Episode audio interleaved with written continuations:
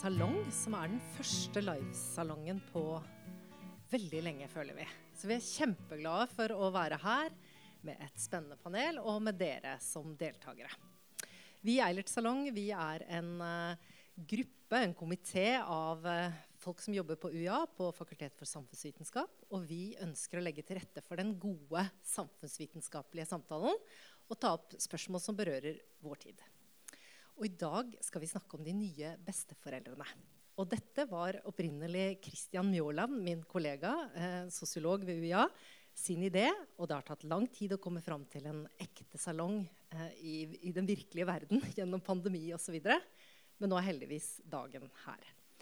Så eh, jeg vil bare takke deg for at du har eh, organisert det, og så gi deg mikrofonen og si at ordet og Salongen er din. Vær så god, Kristian.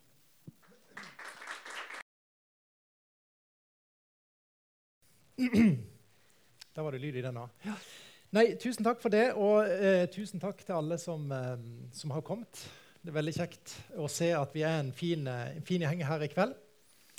Eh, og som Tale sa, så har det vært en, en salong vi har planlagt i eh, to år.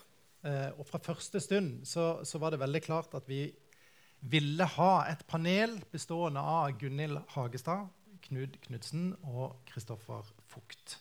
Og da vi spurte de, så fikk vi entusiastisk svar fra alle tre nesten umiddelbart. Men så kom en pandemi, og vi måtte først utsette én gang. Og så prøvde vi på nytt igjen å finne dato når eh, det ble litt lettere. Men så ble det ikke lettere igjen. Bølge nummer to kom, og da måtte vi igjen utsette. Men panelet har hele tida vært veldig entusiastiske, veldig tålmodige og veldig fleksible. Og det er vi eh, veldig takknemlige for. Eh, og vi fikk jo litt ekstra utfordringer helt på tampen når, både Kristoffer og Knut som skal være i, panelet her, fikk korona bare for en uke siden for å, for å toppe det helt.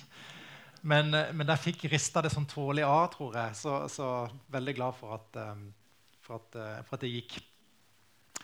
Ok, Så dagens tema er de nye besteforeldrene. Og um, dagens norske besteforeldre de, de, er på mange måter historiske. De er sunnere, rikere og lever lenger enn tidligere generasjoner besteforeldre. Men, men hva fyller de tida med? Eh, hva gjør de for barn og barnebarn? Hvilke forventninger er det de kjenner på? Hvilke livsprosjekter er viktige for de? Hvordan prioriterer de? mellom eventuelt arbeid, familie og fritid. Bidrar bestemødre og bestefedre eh, på samme måte? Og hvilke forskjeller er det egentlig i besteforeldrerollen i familier med god og med dårligere økonomi? Så Det er på en måte spørsmålene som vi da sammen skal utforske her i kveld. Og vi skal sammen forsøke å bli klokere på hvem dagens besteforeldre er, hva de gjør, og hva de føler at de burde gjøre. Så vi skal på sett og vis da undersøke relasjonene mellom eh, besteforeldre, barn og barnebarn i dagens norske samfunn.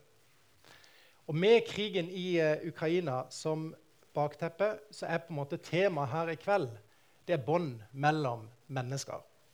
Og Det er alltid viktig, og det er sosiologiens kjerneområde. Men akkurat nå så føles det ekstra viktig. Så også av den grunn er vi veldig glad for at, um, for at dere som er her, tok, uh, tok, turen i kveld. Og For å liksom, utforske disse spørsmålene i dag så har vi et eh, vidunderlig ekspertpanel som dere snart skal bli kjent med. Men aller først så har jeg lyst til å invitere opp to eh, vaskeekte eh, besteforeldre som har erfaring med det vi skal snakke om eh, fra eget liv. Så Eva Albert og Kristen Fløgstad, velkommen opp på scenen.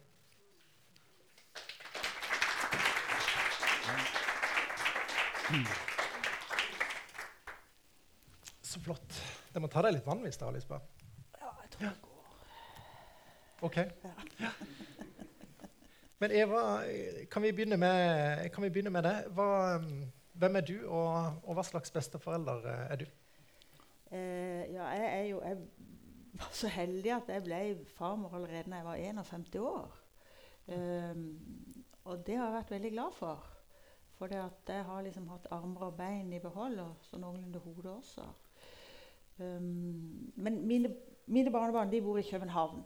Okay. Så det er jo da eh, Det er ikke noe sånn daglig at jeg kan ha henta de i barnehagen eller hjulpet sånn. Nei. Men eh, de har eh, pleid å komme til oss i høstferie alene når de var fra to år og oppover.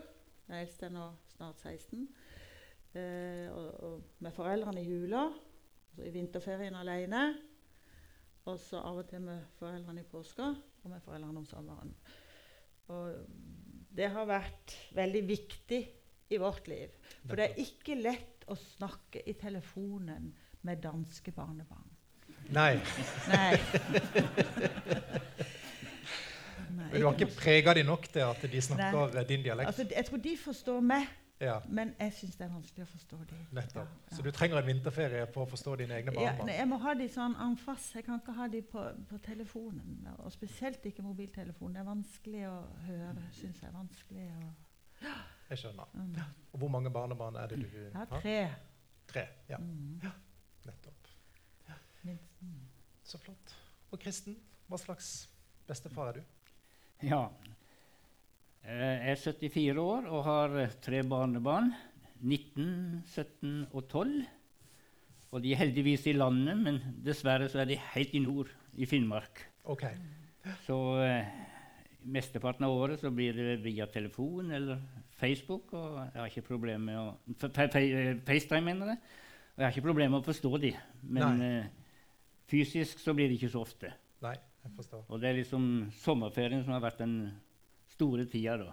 Da har vi de så mye vi kan. Og mye sånne turer, sykkelturer og bader. Og, og det der har vi fått kontakten. Men ellers i året så har jeg vært et savn å ha de langt unna. Nettopp. Så dere har ikke så ofte kontakt, men når dere først er sammen, så er dere veldig mye sammen? Ja, det Ja. vil jeg si. Og, og, nå så er vi så heldige at han eldste, som er 19, han eh, har kommet sørover for å jobbe, så han skal være noen måneder, og han bor i leiligheten hos oss. Okay. Så det, så det er veldig hyggelig, og det er kanskje kona som har mesteparten av, av ansvaret, eller som står bak at eh, det har vært veldig god kontakt med barnebarna. Ja, Nei, men Det er jo interessant, og det, det er jo også et tema vi skal snakke litt om seinere òg. De kjønnsforskjellene som er mellom bestefedre og Ja. bestemødre. Men finnmarksdialekten, den, de har ikke fått eh, finnmarksdialekt, dine barnebarn der oppe? eller? Å jo da, De har det? Ja, da. Ja, ok. Riktig. Men eh, Dette er kanskje litt eh, håpløst åpent spørsmål, men, eh, men jeg skal få svare begge to. Men, men hva er det dere tenker er, hva er viktig for dere i rollen som besteforelder? Eva, har du lyst til å begynne? Eh, ja, altså det viktigste for meg, det er jo at eh, de kan komme på hytta vår helst. Vi har ei hytte som ligger en eh, seks kilometer fra vei, og det er ikke innlagt vann. Eh, vi har fått solceller, så vi har lys, men en må hogge ved og bære vann og fyre i ovner og sånn noe. At de er blitt veldig glad i, å få jeg lov til å fyre på peisen i dag, får jeg lov til å kløyve ved og De sier ikke 'får jeg lov til å bære vann', det sier de ikke. Eh, men, men de er veldig glad i å være der. Og de var der sist nå i vinterferien, vet du. Når, når, når du kommer fra Nørrebro i København og så våkner opp, og så har det snødd enda mye mer om natta, og snøen ligger på trærne. Kanskje har de kunnet gått ut om kvelden når de skal på do. De må jo på utedo, selvfølgelig, og så kan de se stjernehimmelen. og At de får oppleve det, og at jeg, jeg kan se øh, for en opplevelse det er for dem. Mm. Da føler jeg meg litt sånn vellykka som besteforeldre. Nettopp. Ja. Og når hun minste nå på syv år klarte å tenne i komfyren, ved komfyren på kjøkkenet med ei fyrstikk, da fikk hun mye skryt. Ja. Jeg skjønner. Mm. Så det, det handler litt om de minnene man skaper sammen uh, knytta til Ja, det, det enkle og liv. det enkle liv. Det enkle liv, ja. Okay. Mm. Det, det, var det svar på spørsmålet? Ja, det var det. Det var hva som er viktig for deg i den rollen. Ja, Mm. mm, absolutt. Og du Kristen, har du noen tanker om, eh, om det? Ja, det er veldig viktig å ha kontakt med barnebarna og, og, og, og bli kjent med dem, og at Mm. de føler at de har kontakt med oss. Og jeg må jo si at jeg tenker jo litt på tida framover. For eh, altså forskjellen på de som lykkes, og de som ikke lykkes på det her, og globalt sett, den eh, blir, blir kanskje større. og at vi går de vel, det, jeg tenker jeg mye på. Det er liksom mye en drivkraft at en, Mm. at en vil ha kontakt, og eh, at en føler at en eh, kan hjelpe til, og at det er liksom noe av bestefarrollen. da. Ja. Og et litt vanskelig oppfølgingsspørsmål, men, men hvordan, eh, hvordan gjør man det, da? Hvor, hva, hva kan man gjøre for at det skal gå bra med barnebarna sine? Ja. Nei, altså, Kona mi er veldig god til å lage mat og vet hva de skal ha for noe. Liksom, og gjør, prøver å gjøre litt ekstra. Jeg har liksom har tatt dem med sånn på turer ute og på sykkel. Og jeg har eh, reist jeg tok mine to eldste utenlands en gang det, for å få kontakt med dem. Ja. Og jeg må jo si at to år, eh, de to år i oppveksten for de to eldste det var litt spesielt. For da var de på Madagaskar i to år, og da så en de én gang. og det okay. det, eh, da følte jeg at nå, nå er de for langt unna. Nei, jeg er med. Ja. Veldig fint. Um,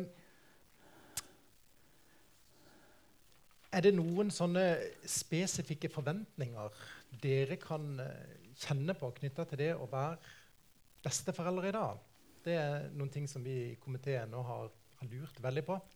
Eh, jeg tror eh, jeg tilhører en annen generasjon enn dere. Jeg er eh, småbarnsforelder. em, og vi småbarnsforeldre kjenner på visse forventninger i samfunnet sant, om hvordan vi bør være i rollen som foreldre. Men, men har dere noen tanker om, om hvilke forventninger det er i dag til mennesker i deres situasjon som besteforeldre?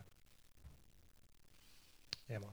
Altså, jeg tror Det er jo litt spesielt det, det er ikke litt spesielt, for det er veldig mange som har det sånn som kristne og meg.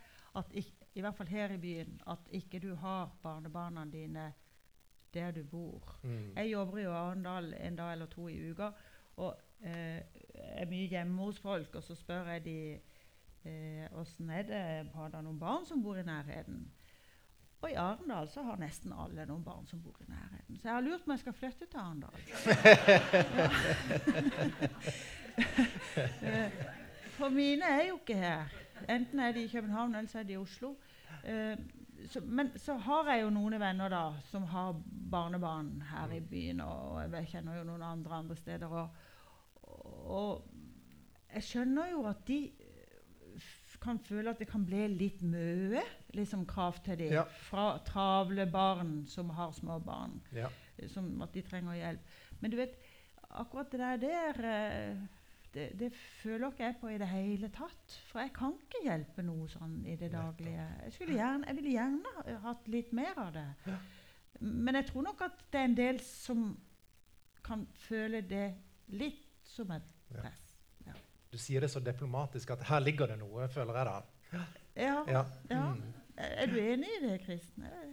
Ja, jeg- altså, jeg føler noe av det samme. Jeg, jeg, har- jeg har ikke tenkt på at, eh, at noen spesielle forventninger, men det, det er jo en rolle. Og, men det gjør det mer av glede, og, og jeg føler ikke det som, som noe problem. Men jeg har jo òg kjent det i Søgne som tradisjonelt i Søgne. Da jeg flytta dit, så var jo men alle var jo fra der, og de hadde gifta seg med noen som var noen hundre meter unna. Og, og de hadde 10-20 søskenbarn i bygda. ikke sant? Ja.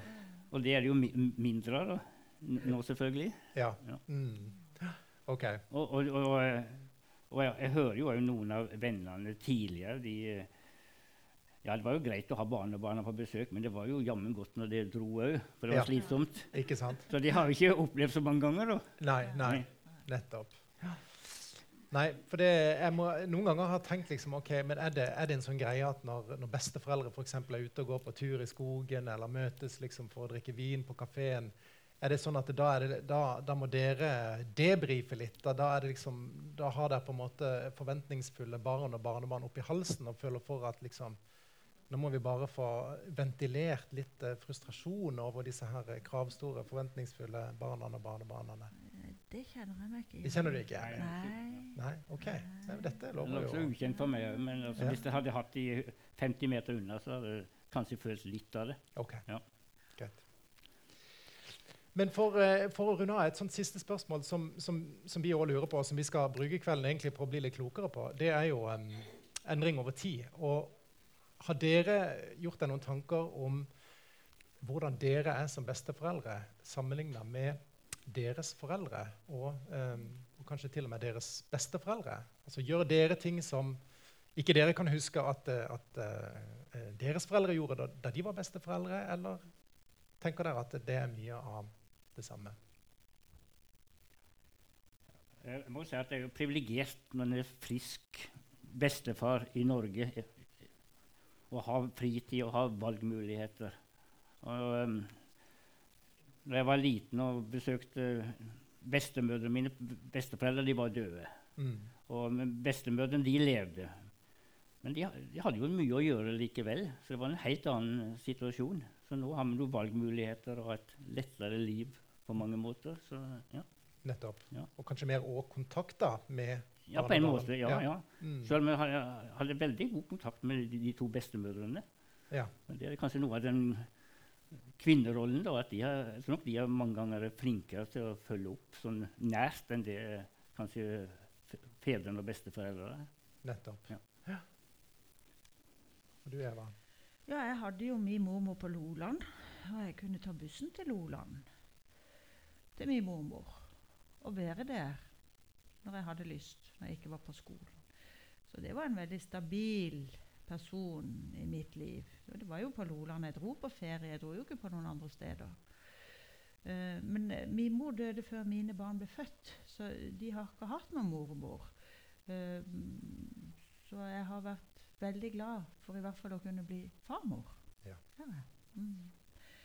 Um, så jeg strikker ikke, og jeg syr ikke til mine barnebarn, men jeg synger for dem. Det har jeg gjort mye. Nettopp. Mm, mm. Og du lærer dem å tenne komfyren med én fyrstikk? Med én fyrstikk, ja. Mm. Veldig flott. Men tusen takk. Men vi må jo ja. si det, ja. altså, for vi er jo begge to med i Besteforeldrenes klimaaksjon. Ja. Eh, og det er jo fordi vi tenker på fremtida til barnebarna våre. Ikke bare våre. Nettopp. Ja. Det er Så, viktig. Absolutt. Mm. Nei, men det var flott. Vi avslutta på den måten. Ja. Men da må jeg si tusen takk for at dere ville være med Eilert salong. Så syns jeg vi skal gi dem en, en god applaus. Kristen og Eva.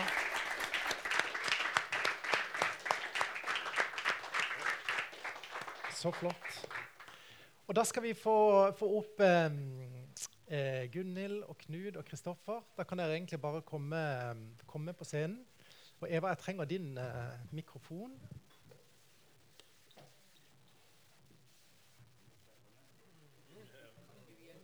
Ja, det skal jeg hjelpe deg. Gjett om jeg kan. Eh, Smalltalke litt eh, med den ved siden av mens vi bare eh, gjør oss helt klar.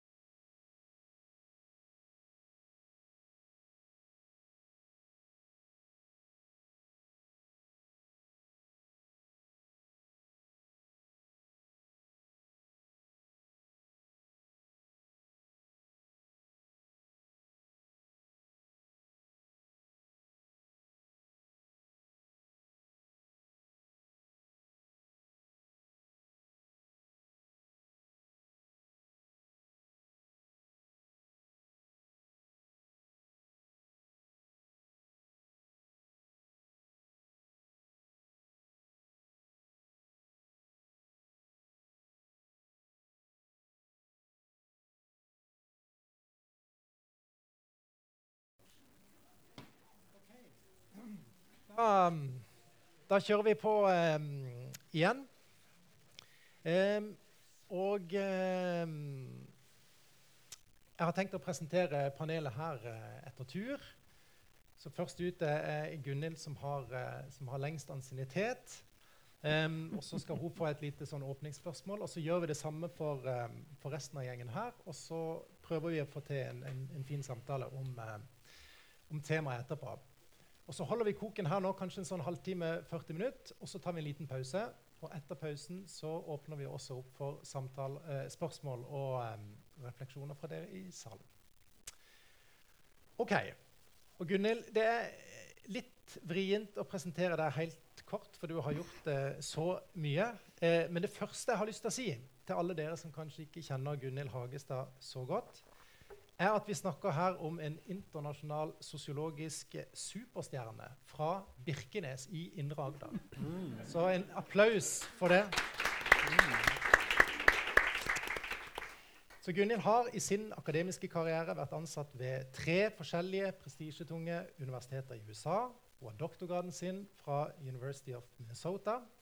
Har vært professor i sosiologi både ved Universitetet i Oslo og her ved UiA. Hun har vært hovedtaler i FN i 1998.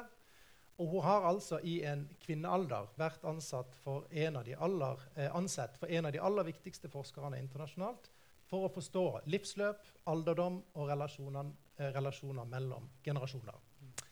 Hun har skrevet veldig mange bøker og publisert veldig mange artikler. Og noe jeg har lyst til å si er at I en alder av snart 80 år så er Gunhilds forskningsbidrag mer aktuelt og relevant enn noen gang. For jeg sjekka Google Scholar tidligere denne uka her. Og den måler liksom hvor mange ganger har andre forskere publisert det du har skrevet.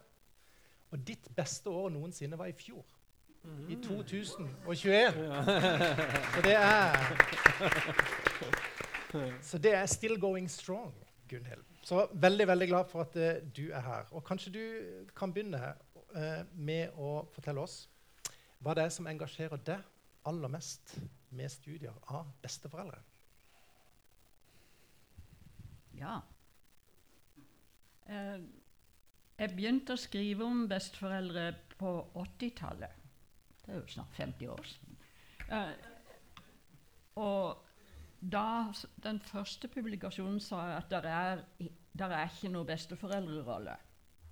Okay. Dette var i USA, og der er det litt mer fuzzy. Men siden da så har jeg jo skjønt at det, der tok jeg feil. Og jeg tenkte på det da dere snakka, at, at jeg har jo norske data og amerikanske data, at det er en rolle. fordi når du spør folk, og jeg har gjort det i Norge og det, det er veldig høy enighet i Norge og andre europeiske land at det viktigste besteforeldre kan gjøre, er å hjelpe sine barn til å være gode foreldre. Og støtte barna i foreldreansvaret. Mm. Men jeg syns jo at, at, det er mye mer enn en rolle. Det, det er en relasjon. Og jeg syns ikke vi skal begrense diskusjonen vår til hva betyr det for besteforeldre, men hva betyr det for de, den diaden av besteforeldre og, og barnebarn i, når de gjennom rollemønsteret får en relasjon? Og der har jeg vært slått av at det er noen veldig sterke trekk som jeg ikke syns vi har snakka nok om, men vi har opplevd de. Og det er at barnebarn og besteforeldre hjelper hverandre å utvide sin, sin horisont og sitt univers. Mm. Og veldig mange besteforeldre lærer jo ting av sine barnebarn. Og de spør sine barnebarn om ting de ikke vil våge å spørre en middelaldrende sønn om. For han ville si 'Pappa, nå må du gi deg. Du, du, du kan ikke fortelle meg at du ikke vet åssen du gjør det.' Mens det er en mye lavere terskel til å gå til et barnebarn og si 'Kan du lære meg åssen jeg gjør dette her?' Og det er jo veldig ofte med smarttelefoner og uh, Internett og alt sånt. Mm. Og, og, jeg tror at barnebarn gjør det samme fordi at de de behøver ikke være perfekte i forhold til sine besteforeldre. For besteforeldrene er glad i de uansett. Og de behøver ikke å prestere. Sånn at de føler en frihet med besteforeldre som de ikke alltid gjør med sine foreldre. Og jeg har blitt slått av også hvordan den nye datateknologien har gjort at barn og barnebarn og besteforeldre har ofte en relasjon som foreldrene ikke vet noen ting om. Fordi det blir gjort på SMS og e-post og, og alle mulige slags medier. Og da jeg spurte foreldrene i midten har sønnen din lært din far noe, så sa de, bare så de på ham sa, Nei, han har ikke det. Og når jeg spurte barnebarnssønnen, så, så så han på meg som han var veldig dum, og sa selvfølgelig har jeg det. Jeg har lært de masse. Nettopp. Men det høres ut som om i hvert fall det grunnleggende her er at, at du er opptatt av besteforeldrerollen fordi at det er en veldig, veldig viktig relasjon for alle parter som er involvert. Ja, Ja. og bunnlinja for meg er jo det at vi lever i et alderssegregert samfunn der det er altfor lite kontakt på tvers av alders- og generasjonsgrenser. Og her blir noe av det lagt til rette for. På den annen side så betyr det at besteforeldre-barnebarn-relasjoner er med på å skape ulikhet. Mm. Fordi at de som ikke har en relasjon, er sanne tapere. altså. Nettopp. Og der syns jeg det, der er jo en del demografer som er veldig bekymra for barnløse, bar, barnløse menn. Mm. For de har mye høyere barnløshet enn kvinner. Og det betyr at de får ikke barnebarn. Ja. Og de trenger de. Nei, det er veldig, ikke veldig bra på den måten, men, men det er bra du sier det. Og det er noe vi, vi skal komme innom um, seinere i samtalen. Men nå har jeg lyst til å introdusere nestemann, og det er den nest yngste i panelet, Knud Knutsen. Um, du er siviløkonom fra Handelshøyskolen i Bergen, men så fant du ut at sosiologi det var det som gjaldt. Ja. Så i stedet for å tjene penger i næringslivet, så begynte du på sosiologi ved Universitetet i Bergen eh, og tok en doktorgrad der på 70-tallet. Og så ble du professor i sosiologi, først på UiB, og så senere i Stavanger, hvor jeg tror du har vært nå basert i 30-40 år, mer eller mindre, i Stavanger. Stavanger, eh, 40 år. Ja, 40 år. Ja. Så, og der har du bl.a. vært med å bygge opp et veldig solid samfunnsvitenskapelig miljø eh, ved universitetet. Du har vært en veldig produktiv forsker. Du er usedvanlig god på statistikk og kvantitativ metode. Og du har bidratt veldig til det nasjonale og internasjonale forskningsfeltet innenfor sosial ulikhet, utdanning, levekår, holdninger til innvandring og ikke minst til familiesosiologien. Og Knud fikk hedersprisen til Norsk sosiologforening i 2013, og vi er veldig veldig glad for at du ville være her i dag. Men da må jeg spørre deg òg, hvorfor er du egentlig interessert som forsker um, i besteforeldrerollen og besteforeldre? Jeg tror det er to-tre innganger. Én går faktisk talt helt tilbake til levekårstiden. Jeg tok med meg den gangen bergenssosiologien ble danna. Så møttes vi, ble vi kommandert Det var Gudmund Hernes som var vår faglige sjef. Hver fredag var det seminar. Og vi måtte alle stille hver fredag med en god forskningsidé. Så dette er akkurat 50 år siden. For det, står, det var en kollega av meg som tok vare på dette. Den gang skrev du ned gode ideer på hullkort. Og så så Gudmund strengt på den, og så måtte han lese opp det. Så dette var altså for 50 år siden mitt forskningstema. Hva har de eldre av goder? Hva ville konsekvensene bli om de eldre skulle garanteres samme levestandard som gjennomsnitt til yrkesbefolkning? Stort spørsmålstegn. Og det er det er ganske interessant jeg, å ha med seg, for den gang var jo dette et helt så, så forunderlig spørsmål. For det, det virka jo helt urealistisk når en tenkte på den situasjonen beste, de fleste besteforeldre og eldre mennesker var i den gang. Så det er en inngang. Det er interessen for levekår og se hvordan dette forandrer seg for ulike grupperinger over tid. Mm. Så er det jo en annen inngang um, Vi nevnte tidligere også at vi var med og feirte vår, vår faglige far på mange måter, Ørja Øyens 95-årsdag. Eh, sosiolog i Bergen eh, nylig. Og han hadde mange interessante utsagn. Han var ikke bare sosiolog, men han var også demograf. Mm -hmm. Så jeg husker han sa på en forelesning demografi er en veldig brutal vitenskap. Så tenkte jeg, hva er det han mener med det? Jo, han mener med det at disse forventa levealder og hva med tid vi dør, og hvordan, hvor lenge vi lever, rett og slett, er faktisk tatt bestemt. Hvis du ser på statistikken, så er det ingen av oss som har tenkt kommer til å leve til 125. Så de kurvene der er veldig fastlagte, veldig brutale.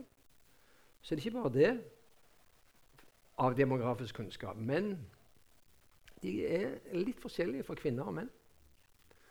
Sånn at uh, jentene de har lever gjennomgående fem år lengre. Men så har vår Herre bestemt det sånn at uh, oss mannfolk vi gifter oss stort sett med kvinner som er fem år yngre.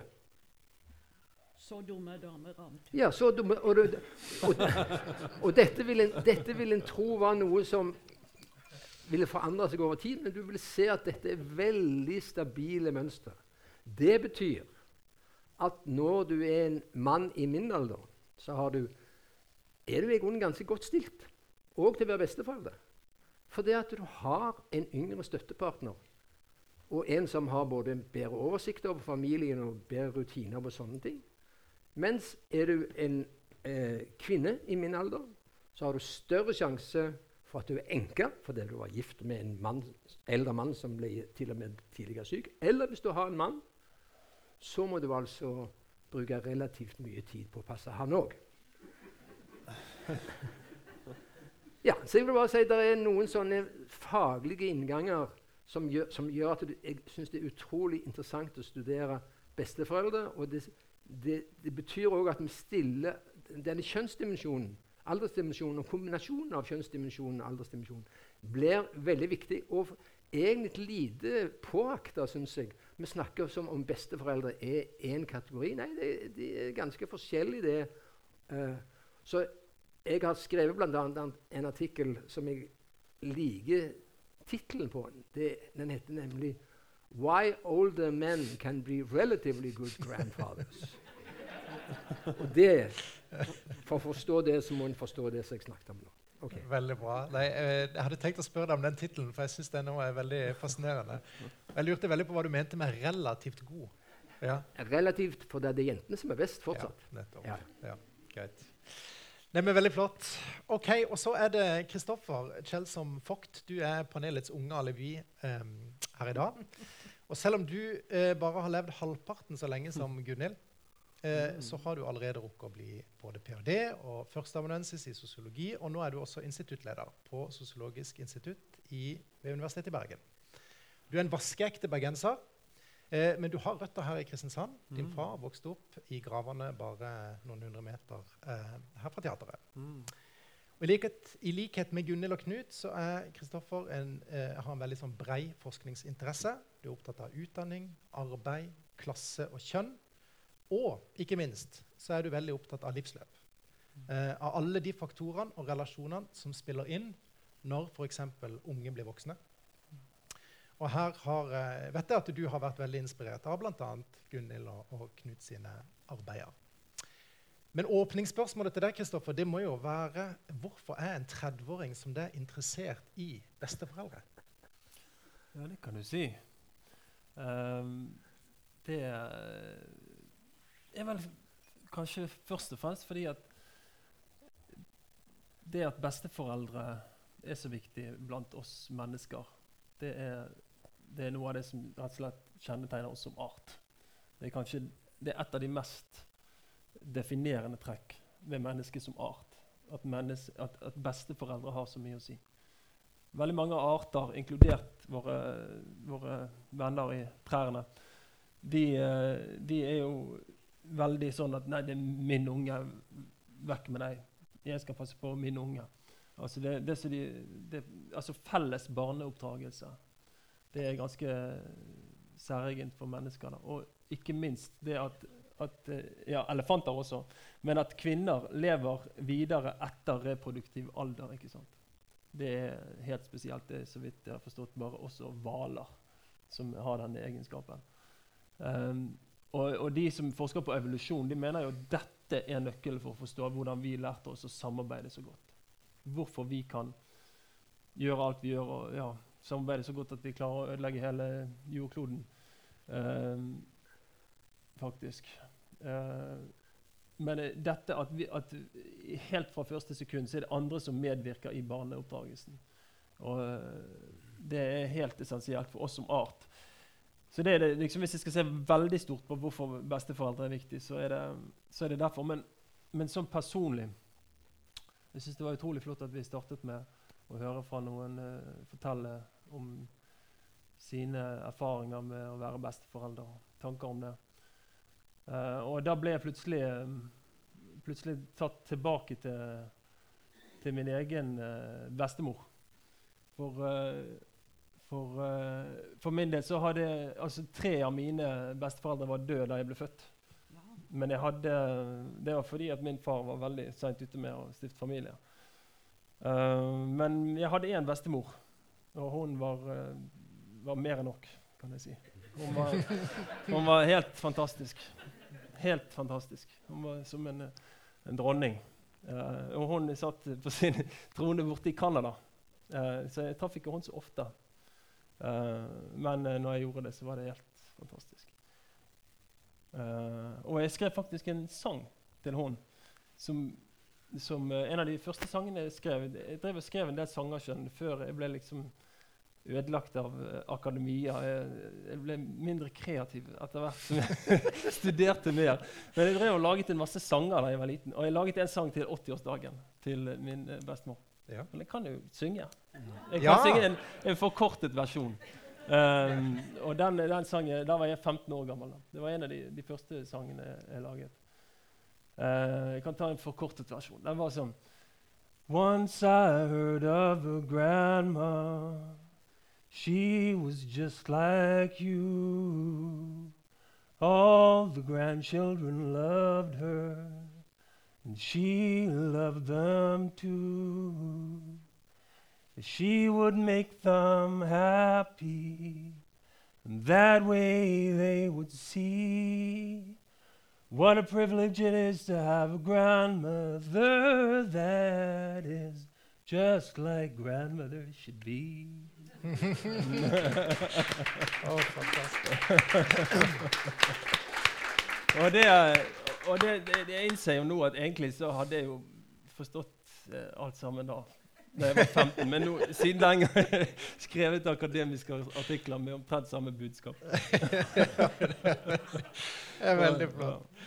Ja, det er veldig flott. Det, og, og det, det, jeg har vært litt opptatt av når jeg begynte å forske på, på ulikhet og livsløp og familie, og sånne ting, så, så ble jeg jo egentlig overrasket over hvor få som var opptatt av besteforeldre i den forskningslitteraturen. Og Der sto jo Gunhild sitt arbeid ut som en ledestjerne. For hun satte jo ord på hvor ekstremt viktig det er på så mange forskjellige måter. Ikke minst eh, hvilket privilegium det er som barn å få ha eh, kontakt med besteforeldre. Men også, sånn som hun sa, hvilket privilegium det er å få lov til å tjene som besteforelder. Uh, Uh, så det, um, det og, det og, det som jeg kom, kom, inn på dette forskningsmessig, var fordi at jeg, jeg holdt på med et prosjekt sammen med, med Ann Nilsen, i, uh, kollega i, i Bergen. Uh, vi, vi, hadde et prosjekt om, om, det å bli voksen, og hvordan det å bli voksen har forandret seg, om familiens betydning i overgang til voksenlivet. Og I den forbindelse så, så gjorde vi biografiske intervjuer med tre generasjoner i en del forskjellige familier. Og da liksom sto det jo bare åpenbart for oss etter de intervjuene hvor viktig det var. Nettopp. Men samtidig, i litteraturen om ulikhet så var det så utrolig lite om Mm. besteforeldre. Og det er bl.a. fordi at um, det er ganske vanskelig å forske på. Mm. Uh, rent, altså du, du, må, du må liksom gå en del ekstra runder, og det er utrolig komplekst. Det kan vi snakke mer om etterpå. Altså, det er Mm. veldig vanskelig å forske på. Eh, sånn metodisk, rett og slett. Altså, for å få et bilde av hva det er som foregår. Og variasjonen er så enormt stor. Altså variasjonen i hva besteforeldre betyr. Mm. Det, og, ja. I noen tilfeller betyr det enormt mye, men i noen eh, andre tilfeller betyr det veldig lite. Ja. Eh, selv om de bor rett i huset ved siden av. egentlig, altså, kanskje ikke huset ved siden av, men selv om de bor i nærheten og er i live, så er det ikke sikkert at de spiller noen stor rolle i livet. Det kan være et kaffebesøk i halvåret. Så det er en enorm variasjon, og den variasjonen syns jeg er utrolig fascinerende. Så det, eh, og ikke minst så, så har jeg vært opptatt av at besteforeldre er jo viktig mye lenger fram i livet eh, enn eh, en bare i småbarnsfasen. Mm. Det har vært mye Ja. fokus på det at besteforeldre avlaster småbarnsforeldre. Sant? Men, men vårt prosjekt handlet jo om det å bli voksen, og, og vi snakket med folk om det. Og da, da ble det jo helt tydelig at besteforeldre kunne være ekstremt viktige også i den fasen. Nettopp. Mm. Nei, men dette er jo utrolig bra. Nå har det jo liksom alle, alle tre på hvert deres vis åpna opp enormt mange spennende ting som, som vi kan uh, bruke resten av kvelden her på å, mm, på å snakke enda mer om. Men vi har jo på en måte lovt publikum her da, med denne tittelen vi har 'De nye besteforeldrene'. Altså det, ligger, det ligger en påstand i hele invitasjonen til salongen i dag. Sant? Og, det, det tenker jeg det er det første vi må uh, få avklart her nå. da. Altså, em, er det riktig å si at, eh, at eh, dagens besteforeldre på en måte representerer noe nytt? Og i så fall, hva er det? Kan vi begynne der? Knut, har du lyst til å begynne med som, som eh, Det er Ja. ingen, ingen tvil om at det er noe nytt i den forstand at det er sånne ting som har vært inne Vi lever lenger, vi er friskere, vi har bedre råd. Men det er likevel en nokså åpen rolle. At det er kanskje forventninger om Det er kanskje forventninger sånn som Gunnhild var inne på, hva du skal stille opp med og sånne ting. Men jeg, jeg dette nå er vi mer innom på anekdotisk bevis, men når jeg ser meg om, så ser jeg òg det som Kristoffer nevnte, at det er en kolossal variasjon. Og for de som har barnebarn i nærheten. Og det Jeg tror kanskje at det er litt systematiske forventninger, men det er egentlig veldig lite sanksjoner. Altså i den forstand at de som velger en, en helt annen tilpasning enn det å være, ha mye kontakt og være mye sammen og ta mye ansvar. At de, de møter ikke misbilligelser eller eh, eh, sidekommentarer noe sånt. Altså jeg tror Min erfaring er blant besteforeldre så er det en aksept for at du kan Det er en rolle som kommer til deg, og du, du kan være så heldig at du får barnebarn og en barnebarnsflokk. Det er opp til deg sjøl hva du vil gjøre med det. Eh, hvis du velger nærhet og trekke de til deg, så er det greit. Hvis du velger noe annet, så kan det være grunner for det, og det er også akseptert. Så det er ikke en rolle som du blir trykt ned i, vil jeg si. Mm. For egen del så har jeg valgt den første, og jeg tror at det er en, som Gunhild òg var innom, det er en fantastisk måte å lære om samfunnet. Altså, dette med barnehage for alle eksisterte ikke i vår tid, når, når, når, når våre barn kom til verden. Hadde ikke jeg hatt barnebarn, så hadde jeg ikke forstått hvordan en, en barnehage i dag ser ut på innsida, og hvordan de er å snakke med de som jobber der. Det samme gjelder skolen. Hvordan ser skolen ut i dag? Hvordan er det lærerne som, mine, til, som underviser andre, tredje, fjerde og femteklassinger, tenker og snakker? Så det er en fantastisk anledning til å forstå samfunnet. Det som jeg òg vil si, det er at det av og til er det et grusomt ansvar. Du går rundt med den, de smårollingene der, og du er, du er på mange måter småbarnsforeldre 2.0. Altså, at da må du ha akkurat det samme ansvaret som om, du, om det var dine faktiske barn. Og det er veldig mye hardt arbeid. Altså, hvis du har tenkt å ha det nær, nær deg, så må du jobbe for det hver dag. Og da må du, når du, hvis du ser de sitter, hvilket de da gjør, så må du rett og slett prøve å spørre hva du så, så gradvis så klarer du å hale litt ut av dem, og gradvis så lærer du om den verden. Og du lærer jo Det er jo helt utrolig altså Jeg ser på en, en av mine som går i 5. klasse. Han hadde da nettopp en klassevenninne som flytta til Brasil, for foreldrene jobba i Equinor. Og så ser jeg han sitter og spiller her en dag. 'Maria, Maria, der, der.' 'Men har ikke Maria reist seg?' 'Jo, jo, men vi spiller sammen. Hun er i Rio.' så det er veldig mye av Altså, hvis du skal, hvis du skal forstå mer av hvordan verden er, så må du liksom lirke deg inn i barnebarna sine liv, og da forstår du mer av det. Og det er ganske mye hardt arbeid, men utrolig givende. Hmm. Ok, Nei, men Det var interessant. Og, og, det var noe av det vi ha, hadde lyst til å liksom, utforske litt i dag. det, jeg tror En del i vår generasjon kjenner på en del forventninger til hvordan man skal være som forelder. At, uh, og det er noen som i familiesosiologien som har snakka om sånn liksom, aktivt foreldreskap. Det er et ideal, særlig kanskje i middelklassefamilier i, i Norge og mange andre industrialiserte land, at man skal være forelder på en veldig litt sånn aktiv måte. Man skal være mye sammen med barna sine, og man skal være tett på kanskje òg emosjonelt. Men det du sier, høres det ut som om den besteforeldrerollen den er litt friere, og det er ikke de nødvendigvis like strenge forventninger på en måte til hvordan den skal være.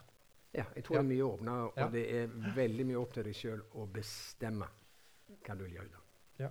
Gunnhild? Men det er jo en forskjell også, fordi at foreldrerollen har jo tross alt juridiske rammer. Ja.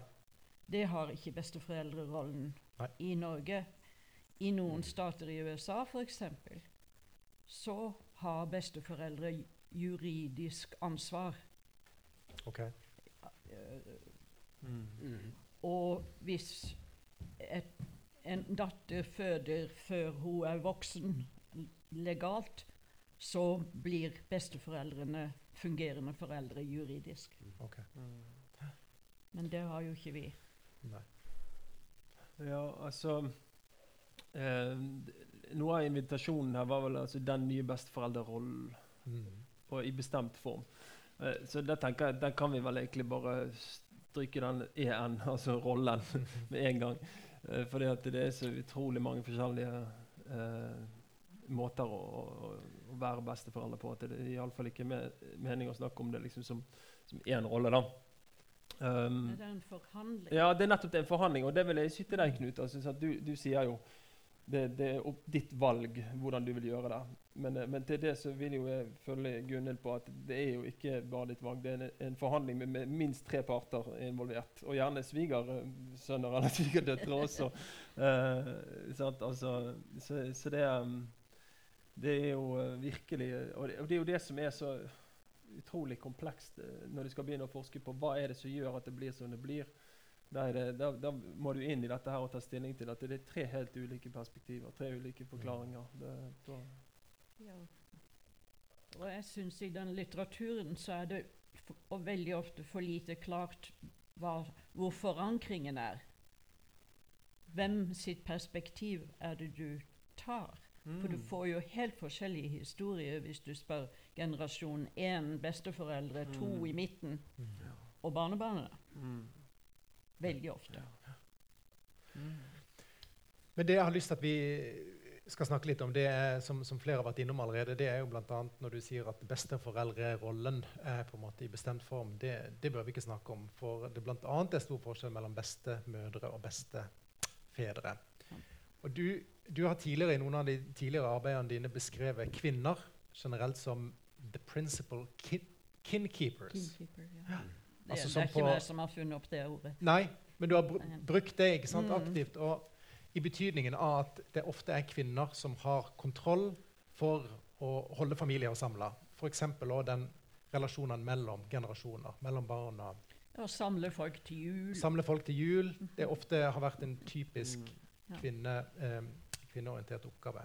Kjenner igjen de en får julekort fra. ja, ikke sant? Men hvilke forskjeller er det mellom bestemødre og bestefedre i dag? Kan vi, kan vi, kan vi snakke litt om det? Mm. Har du lyst til å begynne? Jeg tror det blir veldig spennende. Vi, vi vet ikke ennå. Men vi har veldig gode data f.eks. fra Nova på at pappakvoten har skapt en ny type pappa. Mhm. Fordi vi hadde et naturlig eksperiment der. Ja. At lovgivningen endret seg. Og det blir veldig spennende å se om den nye typen pappa er, blir en ny type bestefar. Ja. Mm. Men der tror jeg ikke vi har noe data ennå. Nei, Mm. nettopp. Men jeg, jeg tror ikke det altså, at, det, at det allerede har skjedd da, til en viss grad. Altså, det er jo en del menn som, som har blitt sånn moderne bestefedre. Jeg må si, Nå er jo jeg veldig gammel, men da jeg jobba på UiA, så kom flere av mine mannlige kolleger til meg og sa du, kan jeg, jeg må snakke med deg. Fordi jeg blir altså bombardert av sønnen min, som sier du, pappa, du var ikke noe særlig som pappa, altså, men nå har du sjansen til å være en alder. Gjør det det? Ja visst. Men en, en ting som er viktig også da, er jo at eh, Som følger opp det i sted med, med altså, den nye besteforeldrerollen. Altså, så har det vært snakk om det at, at eh, folk lever lengre, og derfor så lever man Tanken er jo da at man lever lenger samtidig med barnebarna. Uh, og det er jo Mm. til, til i stor grad sant, men det som også er viktig å huske på, da, er jo at uh, folk venter jo lenger med å få barn. Mm. Uh, Mm. Og så det er langt færre barnebarn. det er nettopp det. sant? Jeg var nummer 18 av 19. Ja. Mm. Ja, nettopp. sant. Så, da, så, så det at det, det er blitt sånn, Du har jo beskrevet det sånn topptunge familietrær sant? med fire besteforeldre og to barnebarn. Sant? Mens før var det liksom motsatt. sant? En stor vift, motsatt Mm. vifte. Um, men, og da Når det gjelder det med hvor lenge man faktisk lever samtidig, så er jo også kjønn relevant. Fordi at uh, menn lever kortere enn uh, kvinner.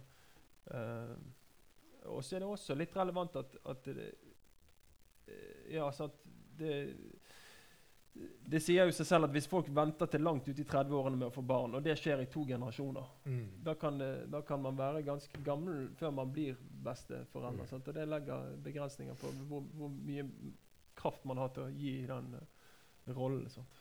Det kan du si. Samtidig som du har færre barnebarn sannsynligvis da, Ja. og kan kanalisere mer.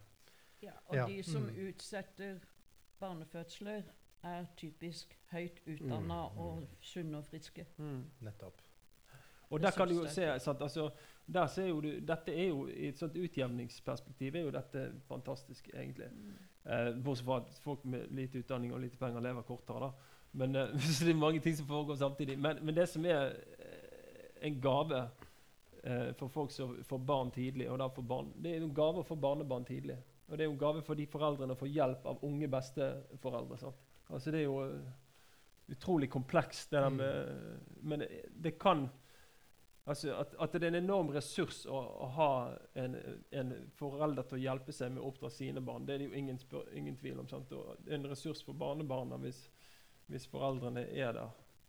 Så, Du vet at Ja. Kurt Nilsen ble bestefar da han var tek- 32? ja, der ser du. Der ser du. Det er, det. Er det Det er fantastisk. Sånn går det med musikere. Ja. Veldig bra. Men, men Knud, altså, dette her med bestefedre og bestemødre det har jo du blant annet eh, sett på. Du har jo sett litt på tall. ikke sant? Og, og, men er det sånn som, som, eh, som stereotypien vil ha det til? Er det sånn at det er bestemødre som bruker mest tid med barnebarn, f.eks.? Og um, gjelder det fremdeles når man ser på nyere tall for eksempel, fra, fra, fra Norge? Jeg tror ikke jeg har så mye nyere tall, men jeg tror nok de tallene vi har hatt å se på, sier nokså tydelig Hovedpoenget er at det er jentene som er de som er best. Så denne kinkeeper-ideen den har veldig, fortsatt veldig mye for seg. Jeg, eh, eh, jeg har vært opptatt av hva er det som gjør at hvis du ser på 80-åringer, så ser det altså ut til at beste, beste faktisk talt er relativt sett mye med, altså i den forstand at de er parat og de kan delta. Og det er fordi at uh, de har så høy sjanse til å ha en ved sin side. Nettopp. Er du 80 år og jente, så er du enke, og du er flink, og du er flinkere enn de fleste. menn. Men mannfolk derimot, hvis de blir enkemenn, så detter de sammen i, i det meste også som besteforeldre. Det er det, hvis jeg skal, jeg skal si veldig røft uh, hva data sier. Så, så det er heldigvis, som vi sier på Randaberg, Herren har lagt det viselig til. Um, med denne levealdersforventninga levealdersforventninger og giftermålsmønster. Nemlig at uh, en mann i min alder jeg klarer meg tålelig bra, for det at jeg har høy sjanse for at jeg har en god partner Mm. ved min side. Mens eh, jenter i samme alder eller litt eldre, de, de må gjøre en mye større jobb. De er flinkere, de er flinkere. Men det som gjør at mannen er så noenlunde brukende som bestefar, det er at en har stor sjanse for å ha en eh, hjelper ved sin side. Når det er sagt, hvis, siden eh, Gunhild var inne på dette spørsmålet om hvordan vil fremtidens beste fedre bli, så er jeg ikke optimist. Jeg er gjennomgående skuffa over mannfolk. I den forstand at jeg syns det har gått så treigt. Med all, De må hales ut fra jobben, og det må lures hjem. altså, Den gangen på sosiologisk jeg, jeg vokste opp nemlig med Kari Wærnes og Hildur og alle disse her. De, de var sånn at hvis jeg, hvis jeg sa jeg kan ikke holde forelesning, for Kyrre er syk, jeg må hjem. Å, bare gå, du. Så ordnet de alt av forelesninger, hva det måtte være. Altså, jeg, jeg vokste opp i en tid der det var en veldig optimisme på at det var en ny mann på vei. Alle støtta opp om det. Så jeg hadde venta at i dag, 50 år etterpå, så, ville, så, så måtte ikke mannfolk ha all verdens insentiver for å komme seg hjem og være med litt i hus og hjem. Så jeg er, jeg er, blitt skuff, jeg er skuffa over hvor treigt den utviklingen har gått. Og jeg, jeg tror bare vi må holde trykket oppe hvis vi skal få en ny generasjon med besteforeldre. Ja, altså jeg vil Ja. nå bare arrestere deg litt der. For det, altså, eh, du hyller den nye mannen. Men eh, vi må ikke glemme at den gamle mannen har, hadde veldig mye for seg, han òg.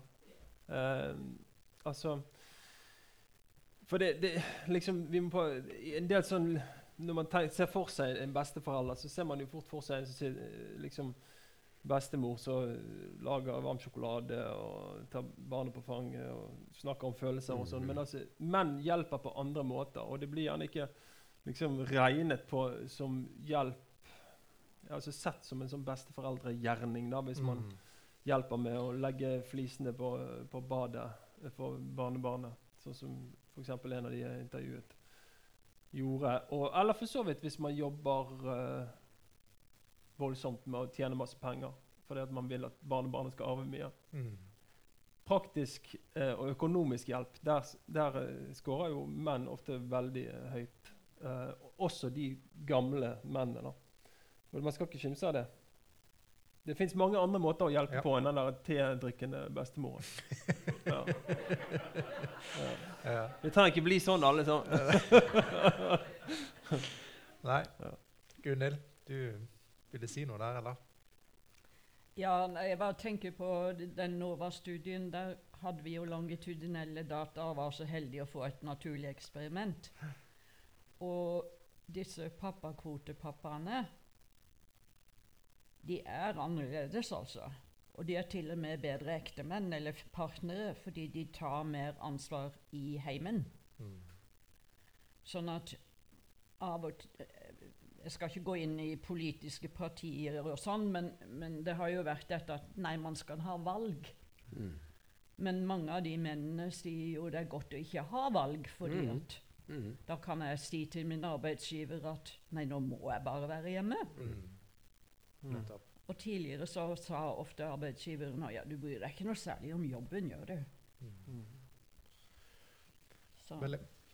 Veldig, bra. Og nå, nå skal vi snart uh, runde av ta en liten, eh, liten pause, så vi kan åpne opp for, for spørsmål fra salen. Men, men et siste tema som jeg hadde lyst til at vi skulle være innom, som vi bare har antyda så smått, det er jo sosial ulikhet. Um, og, og en annen måte Det er kanskje feil å snakke om um, besteforeldrerollen i bestemt form, er at det òg kanskje er forskjeller. Um, i hvordan den rollen ser ut, og, og hva den betyr i familier for med, med mye eller lite økonomisk kapital. Mm. Og Det er jo noe av det som, som, som dere blant annet har forska på vet jeg, i det prosjektet deres. Så Mm. har du lyst til å begynne å si litt om hva vet vi om Ja, altså, besteforeldre?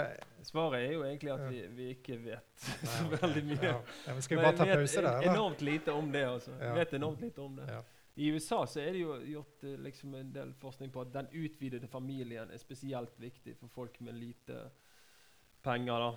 Altså, Og hva er eh, utvidet og, og familie? Den utvidede familien er jo liksom alle andre enn bare mor, mor og far, Mm, mm. eh, kan du si. Og mor, far, barn. altså. Uh, og, og, det er jo, og det er for så vidt vet man jo fra gammelt av. sant? Når det var fattige kår, så var man jo helt avhengig av onkler og tanter og, og besteforeldre og alle andre også. Så, så det er jo ikke noe, noe veldig nytt med det. Men altså, vi, om det er sånn i Norge nå, eh, Mm. det vet vi rett og slett ikke. altså. Det vil Ok. jeg vel si. Jeg altså. kunne jo kaste en bitte liten fakkel. Ja, Ja, gjør det nå. gjør det. Fordi der er jo eh, Jeg har jobba ganske mye sammen med psykologer i psychology of aging. Og der er jo nokså generell enighet om at menn og kvinner Dette sa jo Freud da, til og med. at Når de blir eldre, så blir de mer like, men de går i motsatt retning. For menn blir mer, mer som kvinner, og kvinner blir mer som menn. Og, Mhm. og uh, Jung sa jo at you can only begin to speculate on the conflict, marital conflicts when women, no, when men discover his softness of feeling and women discover their sharpness of mind. Og noe av det er jo at, at veldig mange av oss syns at menn er litt som god vin. Bedre med åra. Okay. Det var brannfakkelen her. Ja. Vi blir bedre med året, men vi lever ikke så lenge. Nei, det, det, var, jo- det var litt mer nedsig å avslutte, avslutte på den. da. Men jeg lurer på om vi tar uansett nå en, en eh, maks ti minutter pause. Og så kan dere gå på toalettet og hente noe å drikke, og så møtes vi igjen her om, om ti minutter. Og så er det også åpent for eh, spørsmål fra salen. Takk så langt. Ja.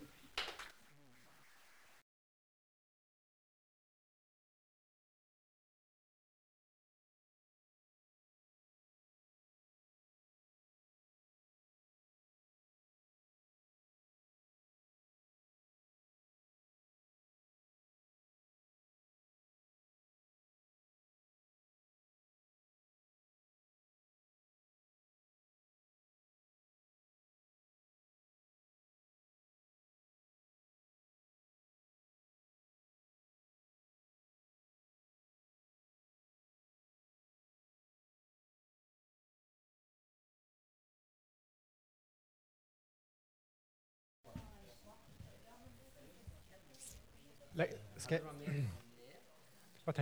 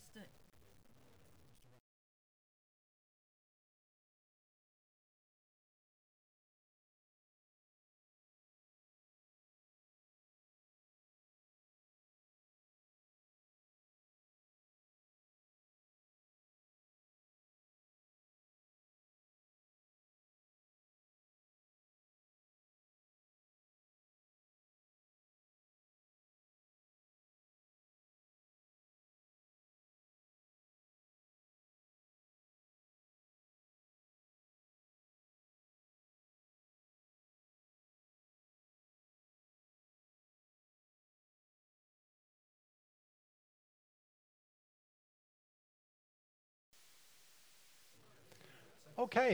Da, um, da går vi på igjen. Så håper jeg alle har fått, um,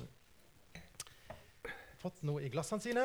Um, og da tenkte vi egentlig å, å allerede nå åpne opp for, for, for litt spørsmål fra salen. Så er det noen som, det noen som har lyst til å være først ute? Hvem er modigst i salen her? Der er det en modig person. vi har ikke noen mikrofon, men hvis du bare snakker høyt og tydelig, så hører vi det.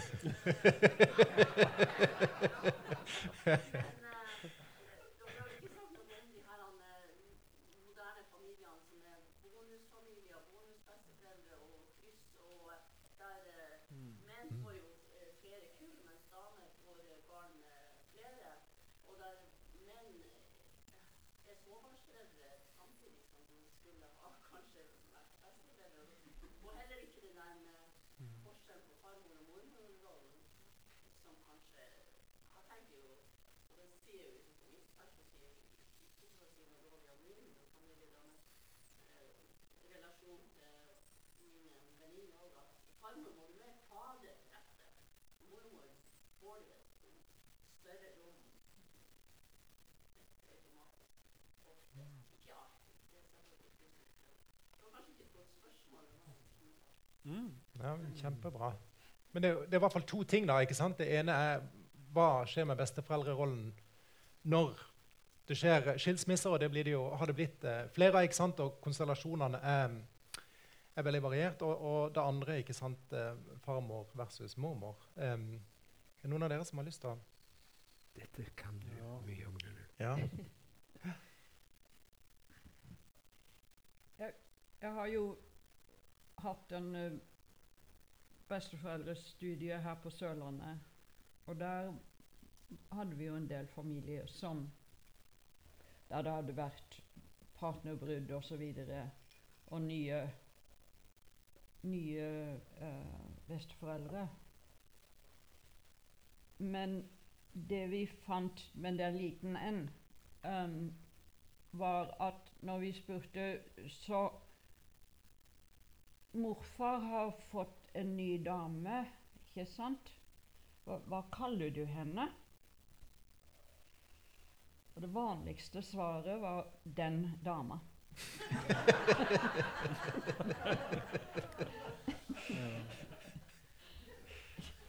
Ja. Um, og jeg tror det skal noe til å konkurrere med mormor som har vært der en stund, altså.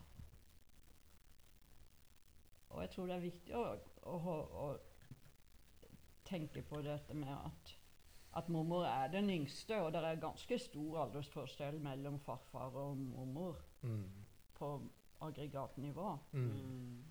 Um, og så er det jo en internasjonal, en antropologisk litteratur om dette med maternal certainty og paternal uncertainty. Hva, hva betyr At, det? at du vet alltid hvem som er mor. Mm. Du er ikke så sikker på den andre sida. Nei, nettopp. Ja. Ja. ja. Mm. Og det, det kan, for alt vi vet Antropologene sier at selvfølgelig har det forma rollene. Og eh, altså i, i forskningen på dette, spesielt fra USA, så er det jo noen sånne begreper at uh, F.eks. at at familien er der. Altså den utvidede familien. da, Mm. altså Besteforeldre, onkler og tanter. De, de er der som et sånt uh, sikkerhetsnett, eller som en sånn national guard, uh, hvis noe fælt skulle skje i, i livet. da. Hvis det skulle oppstå livskriser, sant, så, så, så rykker de ut og, og hjelper til.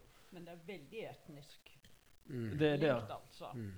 Det er jo veldig typisk for afroamerikanske familier Mm. Og italienske, Mm. for å nevne to, der, Mm. der der er en litteratur. Ja. Child savers er jo Ja. Gunhild sitt begrep. Ja. Altså Om de tilfellene der hvor uh, Ja, det var en, uh, ja. en Times Magazine cover story. ja, men det var du som tok det inn i forskningen. Ja, the child. ja. Men jeg kaller det jo heimevern. Ja, ja, på norsk. ja.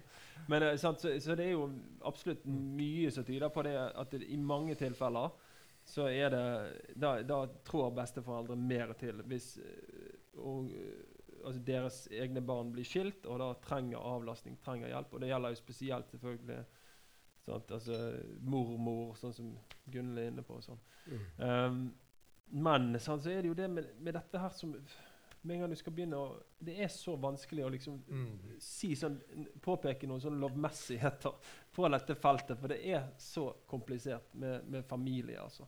Og det må jeg si bare har slått meg. så altså, Den kompleksiteten som er hvis du begynner å, å skulle forstå hva det er som foregår i familier, den overgår langt det andre jeg har forsket på, på utdanningssystem og, og arbeidsliv. altså Du må bare slutte mens leken er god. ja, det er det. Det er helt vanvittig. For du kan liksom ikke Hvis du forsøker å si én ting eh, sikkert og tydelig, så ja, på den ene siden, på den andre siden.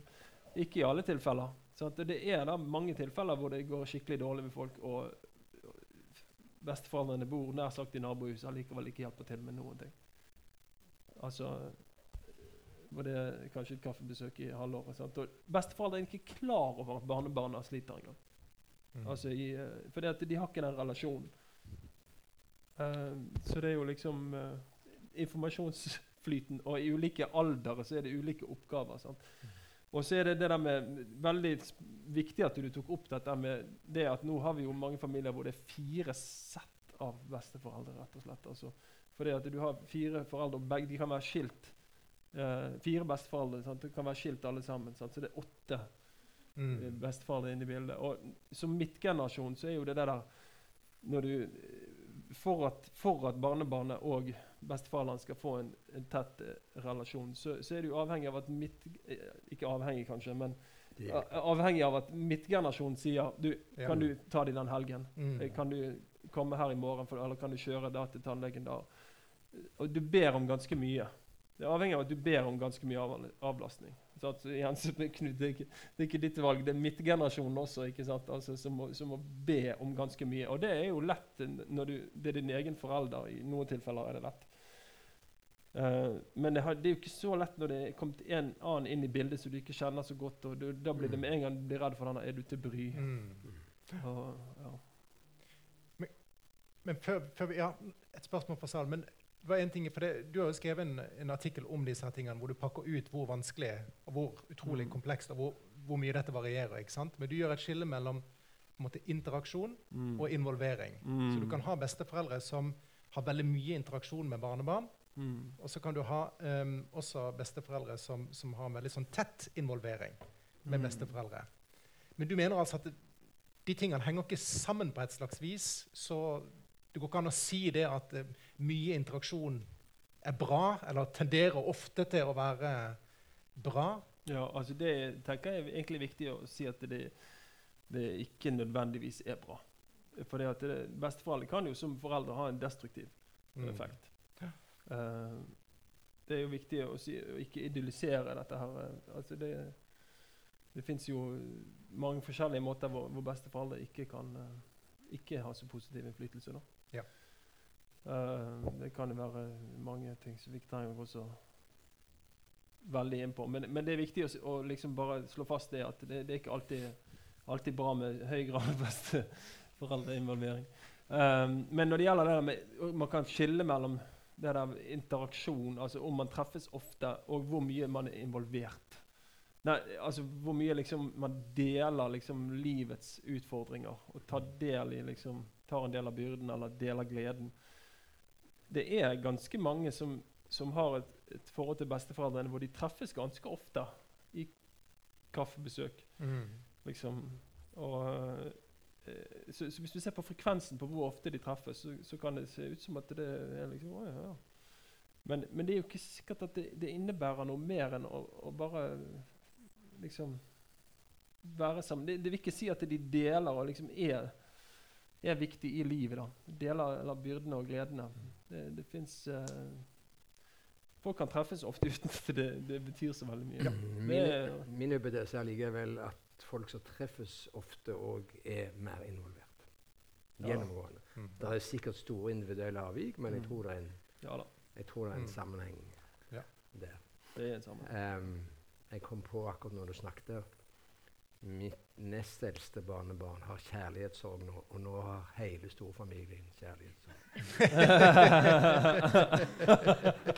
Alle har erfart hvor bånd i bøtta det er. Og, så nå er vi helt low, hele gjengen.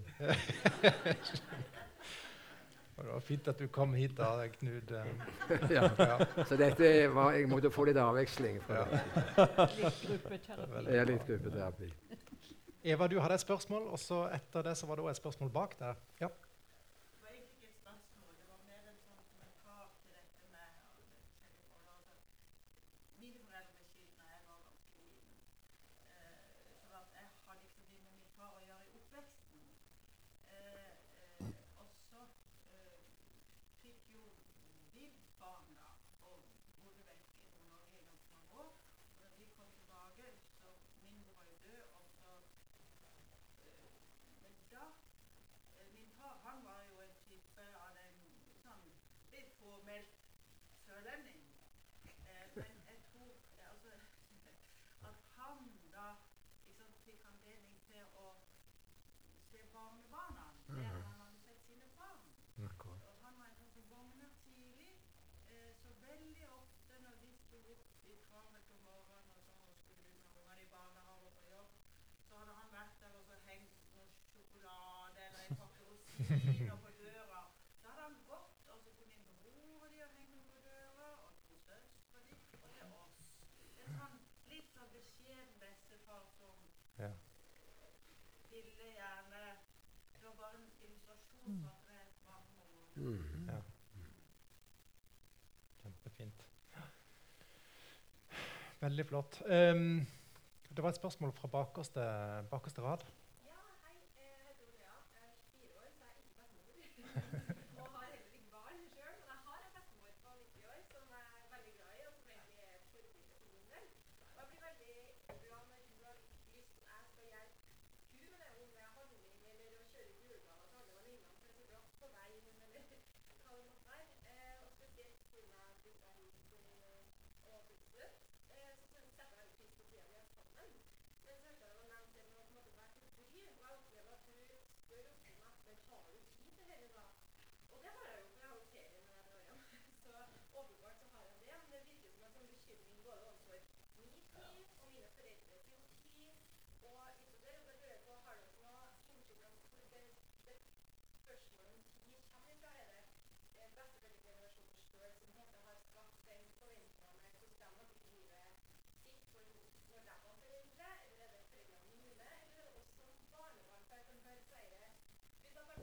Mm. også besteforeldre som opplever det samme som barnebarn, at besteforeldrene har et inntrykk av at ingen har tid, eh, på en måte mens barnebarna gjerne Det er kanskje ikke alltid man har tid, men, men at man gjerne vil være der og være sammen. Da. Har dere noe inntrykk om det har kommet av oss tre ulike generasjoner? Var det sånn før, før besteforeldregenerasjonen også? Kjempeinteressant Ja, spørsmål. Virkelig. Og, og, og det er jo liksom Det er jo eh, altså, så viktig eh, at du tar det med tid inn i samtalen. For det at eh, det er jo sånn med alle moderne Hele moderniseringen av samfunnet, kan du si. I 200 år så har jo folk fått det travlere og travlere. Men i særdeleshet her i Norge, hvor vi, vi altså har en høyere andel av befolkningen i arbeidsstyrken enn noe Mm. annet sted. Og eh, vi er ekstremt produktive. Det forventes ganske mye når vi er, er på jobb. Da. Vi får gjort mye per time. Um, og det forventes jo også nå av småbarnsfamilier at begge skal være i arbeid. Og hvis du jobber deltid som kvinne, så får du jo eh, fort sånne signaler om at du burde jobbe fulltid. Um, fra forskjellige hold. Og så er det da, og det er jo i den sammenhengen her at, eh, at det er jo en fantastisk ressurs å ha besteforeldre til å, å hjelpe seg. Og det er jo der Gunnli sitt andre, et av de andre begrepene 'family savers'. Hun mener jo at dette er en viktig rolle for besteforeldre i, i nordiske land. da. Og det tror jeg virkelig det, Hvor utrolig god avlastning det kan være i en sånn setting hvor, hvor begge skal jobbe kjempemasse. Eh, hele tiden. Og, og da, er, da er det helt fantastisk å få den avlastningen. Så, så det eh, Og jeg tror at det med besteforeldre At de, de har inntrykk av at unge folk har dårlig tid. Det er helt riktig. Unge folk har ekstremt dårlig tid. Både før de får barn, men særlig etter de får barn, vil jeg hevde. Mm. Ja. Knut og Gunhild, har dere lyst til å Nei, altså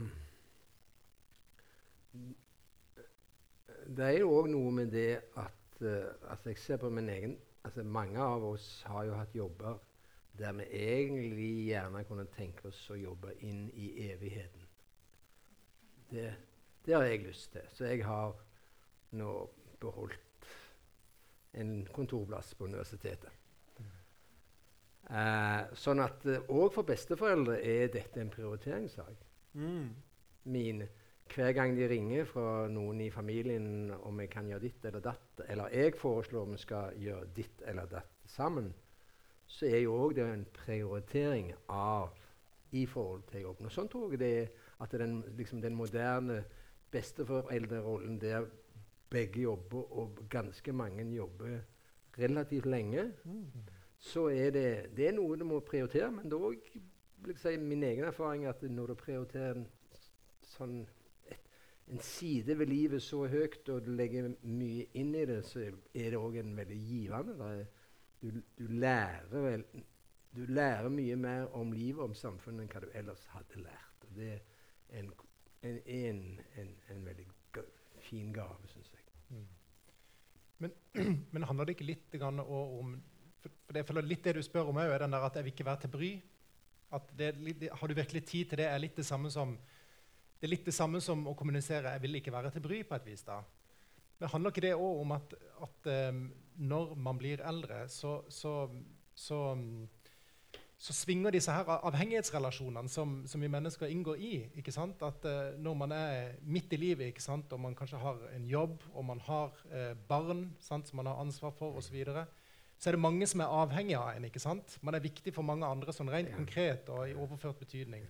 Men med alderdommen Man går kanskje ut av arbeid i tillegg. Eh, man har færre kanskje roller i jeg vet ikke, i, i lokalforeninger osv. Så, så, så, så, så blir man den som ofte må spørre andre om hjelp. ikke sant? Men man har kanskje mindre å tilby Mm. tilbake igjen. da. Mm. Og at, ligger det ikke noe der òg? At, man, at, man, at man, man blir redd for å være til bry, rett og slett fordi Jo, og det er jo liksom, et slags balansen er skeiv?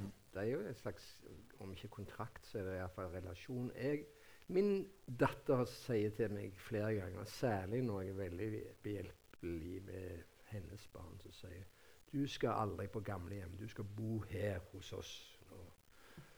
Så smiler jeg og sier ja, det lyder bra, men jeg er ikke helt sikker på det likevel. så det, det er noe sånn usikkerhet med det når det blir mer Med tiden så vil Ja. vi alle bli avhengige av andre, og hva skjebne møter oss Mm. da. Så mye av dette her tror jeg må gjøre ikke som en investering for fremtiden, men for den gleden det gir underveis, for å si det sånn, i prosessen. Mm.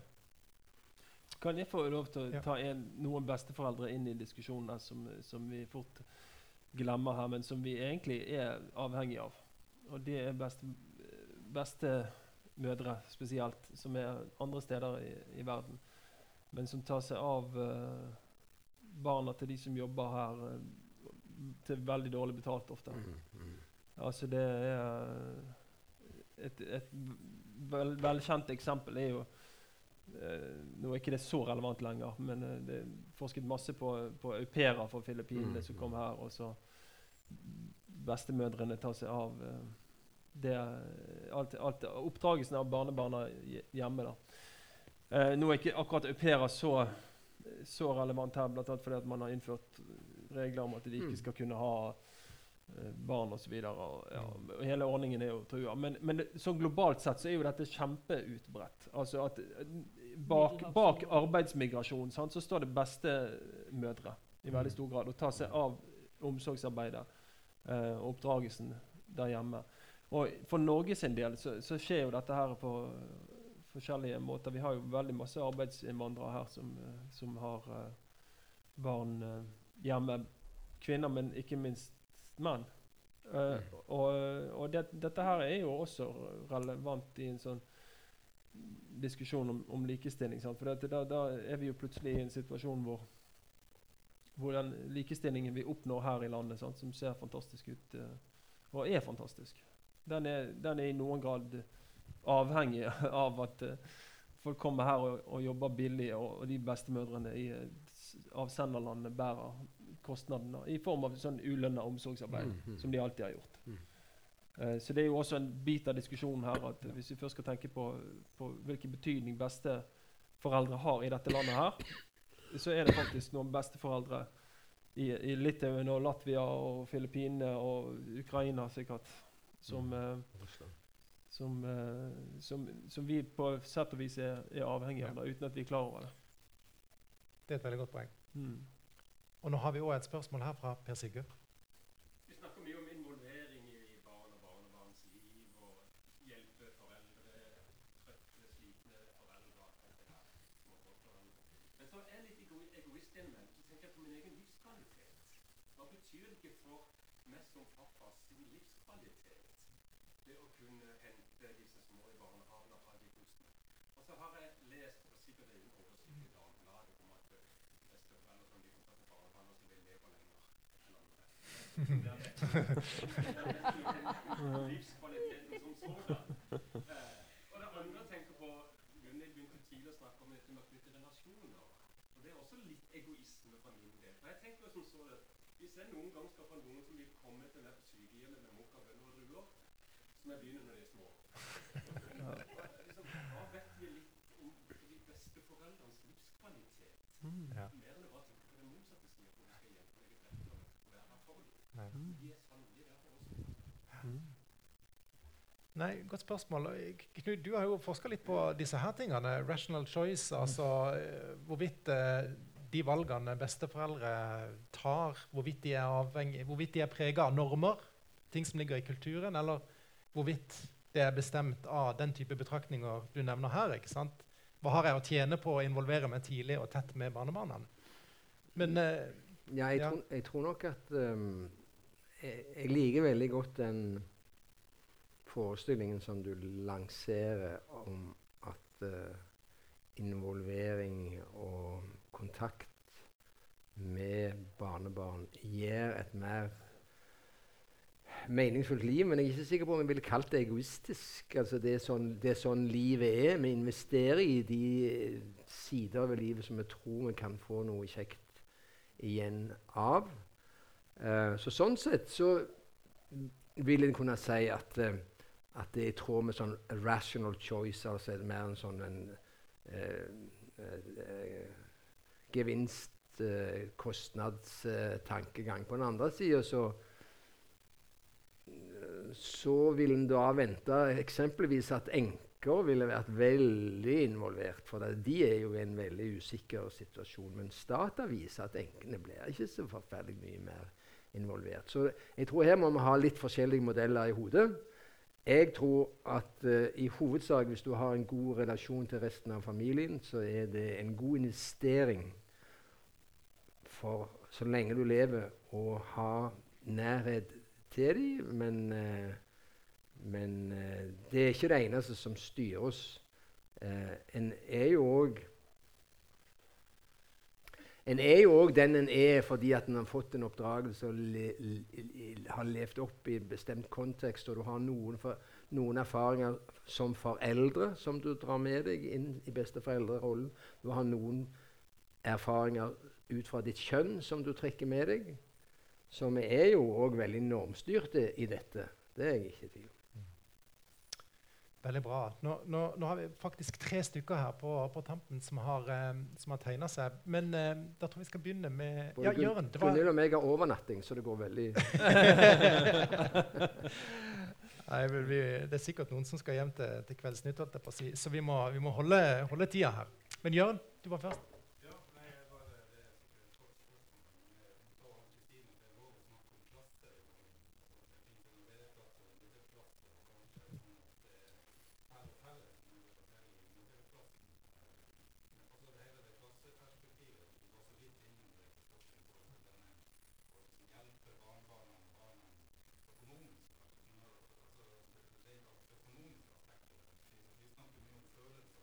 Mm. Mm.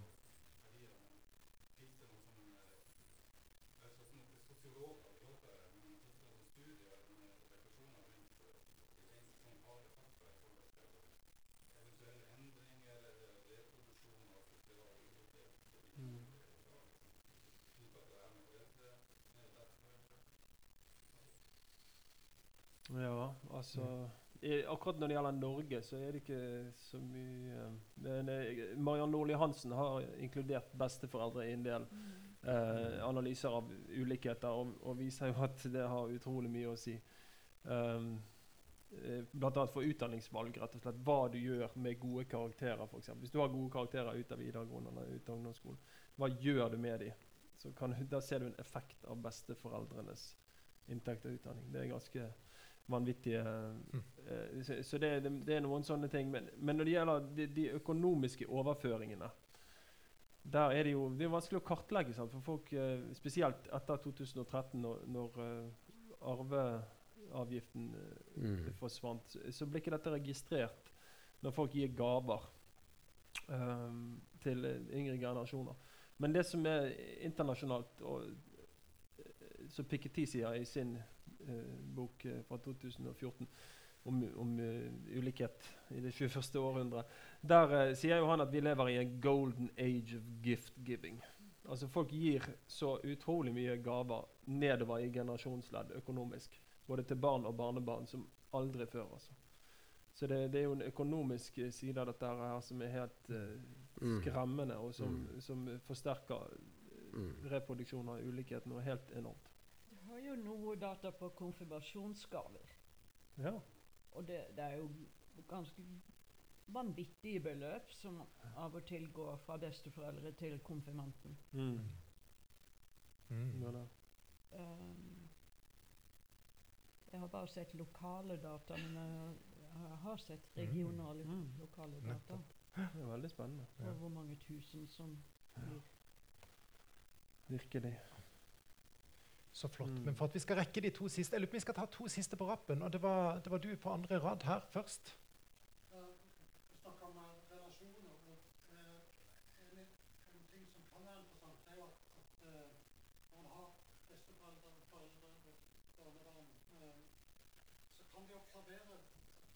Barnebarna kan observere eh, relasjonen mellom foreldre, sine foreldre og Mm. deres foreldre utspiller seg. Mm. Du lærer ganske mye av det. Og kan se hvordan foreldrene og barnebarna oppspiller sin relasjon.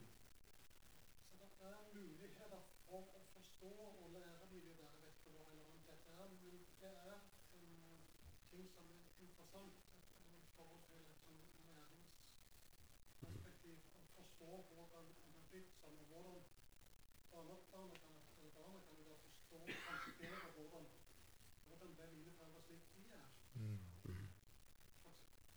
Ja. Kjempeflott spørsmål. Og jeg lurer på Vi må ta det neste med, med, med en gang, og det var Anne-Elisabeth. Og så kan dere svare etterpå. Anne-Elisabeth. Jeg tror mitt spørsmål er egentlig litt sånn mer på det som Bjørn også tok opp, med Ja. klasser. Altså, men jeg tenkte på selve besteforeldrene. da. Altså, er det en forskjell på det å være besteforeldre fra middelklassen versus det å være besteforeldre fra arbeiderklassen? Man har vært innom økonomi, eh, økonomi, altså på hvilken måte spiller disse tingene inn? Eh, og altså, for å avkrefte at eh, det er en besteforeldrerolle som er flere. Jeg lurer på hvilken rolle klasse da spiller. Mm.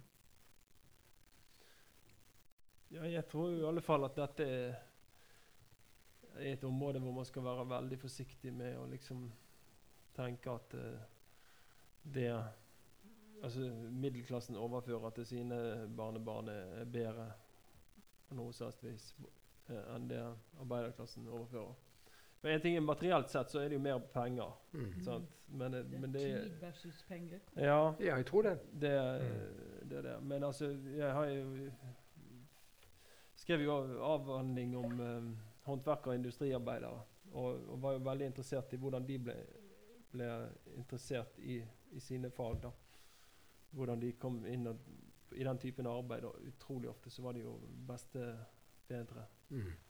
inne i bildet der. Og som gjorde at de, de ble ble jo håndverkere lenge før de var kommet til lære. Mm. Mange av de. I gamle altså Det spørs jo hvilke aldersgrupper, men det går på tvers. Og det er jo sånne, sånne ressurser eh, som, eh, som er helt eh, gull, altså. Som, som det, det er grådig vanskelig. Jeg, jeg, rett og slett det, det der, Jeg syns jo veldig ofte det at det er middelklasse arbeiderklasse skiller. Altså en sånn todeling der er, blir veldig sånn grov, da.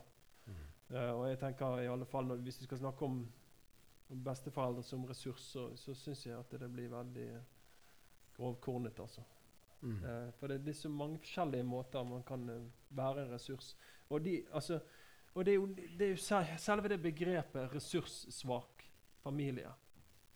Det brukes jo ofte om familier hvor, hvor, eh, hvor folk har lite utdanning. Kanskje lite inntekt òg. Mm. Men, men altså, i de familiene så kan jo besteforeldre liksom Mm. overføre så ufattelig mye ressurser. Mm. Sant? Så det er liksom eh, tale bilde på at, eh, at man må liksom ikke være reduksjonistisk hvis man skal forstå det, de overføringene der. da. For, for, den der, eh, for da kan du spørre sånn, De som bruker det begrepet, ja vel, din bestemor, hvor mye utdanning hadde hun? Var hun ressurssvak? Mm. Nei, jeg skjønner det. Det var ikke, det, det var ikke til ditt spørsmål. Jeg beklager.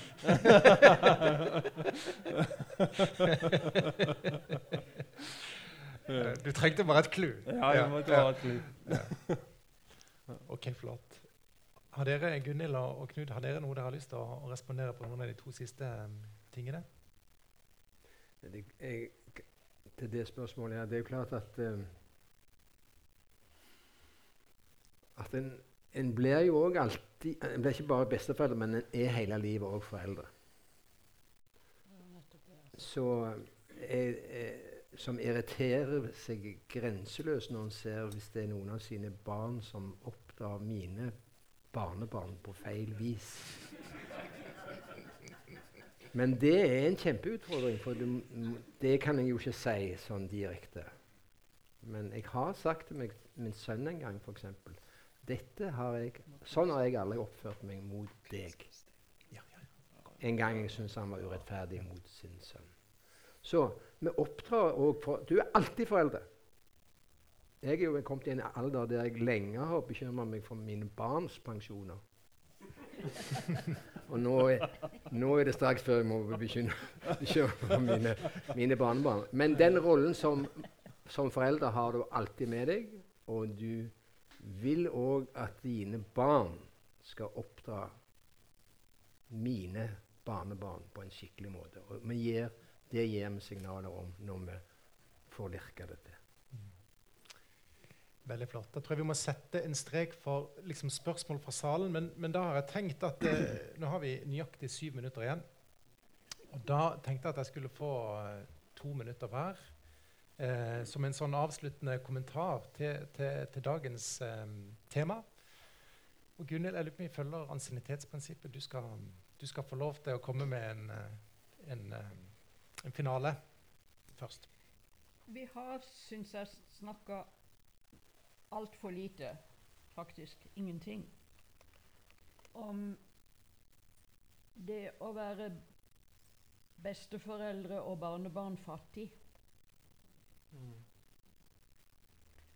Og det er noe som opptar meg mer og mer, spesielt i noen av diskusjonene som Kari Skrede, som nå er pensjonist, men som var på Statistisk sentralbyrå, tok opp med, da hun snakka om vi må være bekymra for disse mennene som ikke får barn. Og, og så mye av vår sosiale kapital, og også kulturelle kapital, er knytta til generasjonsbånd. Og primært foreldre, barn, barnebarn.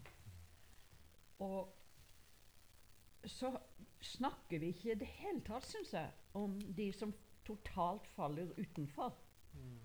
Barn som ikke har be besteforeldre. Og det er I Statistisk sentralbyrå sier de 10-15% av norske barn har ingen besteforeldre tilgjengelig. Min erfaring er at hvis du fra Agder-dataene er at når du snakker med spesielt barna, som er ærlige og åpne, så, så blir det mer én av fem som ikke har en velfungerende besteforelder. Og det jeg de i intervju med med tolvåringer i Agder, var at, at jeg sa Men du har en bestefar? Og så sier tolvåringen ja, men du skjønner det at han drikker så mye.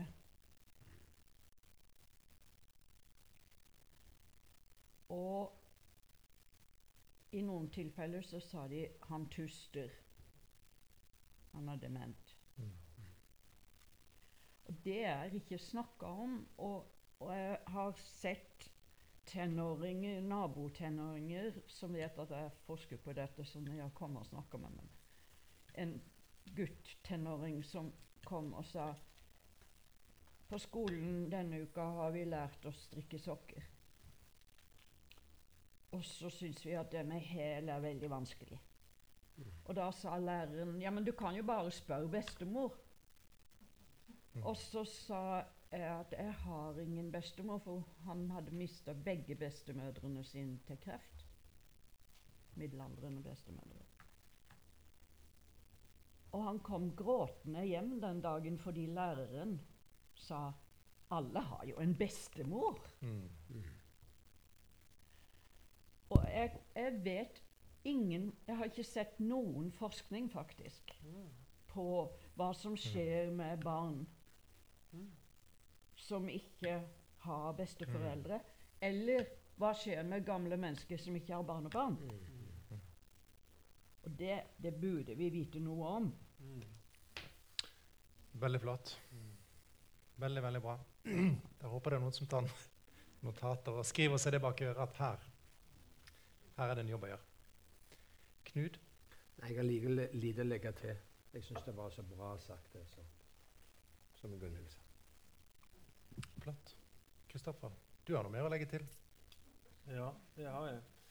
Jeg håper og tror at jeg en dag eh, vil, eh, vil kunne skryte av at jeg satt og eh, diskuterte besteforeldre med selveste Gunhild Hagestad. Um, det kan jeg si til mine barnebarn, enten de er biologiske eller intellektuelle. Um, jeg syns jo at uh, det som, som eh, kom, kommer veldig klart fram når vi snakker om disse tingene, det er jo hvor fantastisk det er uh, med samhandling mellom eldre og uh, barn. Um, og, og da, hvis vi er enige om at det er fantastisk, så har det jo skjedd en stor tragedie de siste 100 årene, som Gunhild har skrevet om alderssegregeringen av samfunnet. Um, og det, sant, det er på en måte prisen vi har betalt for en enorm forbedring på veldig mange områder, og, og mer produktivitet i arbeidslivet. Og ikke minst en sånn baksiden av medaljen er den organiserte barndommen. Og, og for så vidt ja, digitaliseringen av barndommen. Um, det er ja, og ikke minst prisen for det, baksiden av medaljen på det liksom høyproduktive arbeidslivet, og at flest mulig skal være i arbeid hele tiden. Og at det er det som er idealet. Eh, baksiden av medaljen der er bl.a. den alderssegregeringen i samfunnet. Eh, og, og, og, det er jo, sånn som du var inne på fra bakerste rad der? Altså, eh, Mange eldre eh, sitter og kjenner seg ut, utdatert og, og ikke til nytte. I, altså ubrukelig. Eh, og det er, det er jo den store eh, tragedien eh, som ligger bak her. Eh, at eldre og yngre oppholder seg på forskjellige steder i forskjellige institusjoner eh, i hverdagen. Og så har du da besteforeldrerollen, som i noen grad kan kompensere for denne utviklingen. Altså ehm, eh, Men så, så, så er det Men i, i det store bildet Og jeg tror jo også veldig mange som har nært og godt forhold med sine barnebarn, og, og motsatt, godt kunne tenke seg å bidra mer. Um, så, så sånn I det store og det hele så jo, ligger det jo under her at eldre er en enormt underutnyttet ressurs i vårt uh, samfunn. Uh, det vil jeg jo egentlig si. Og at ja, besteforeldrerollen gir rom for, for liksom unntak fra regelen, eh, som er egentlig alderssegregering. Mm.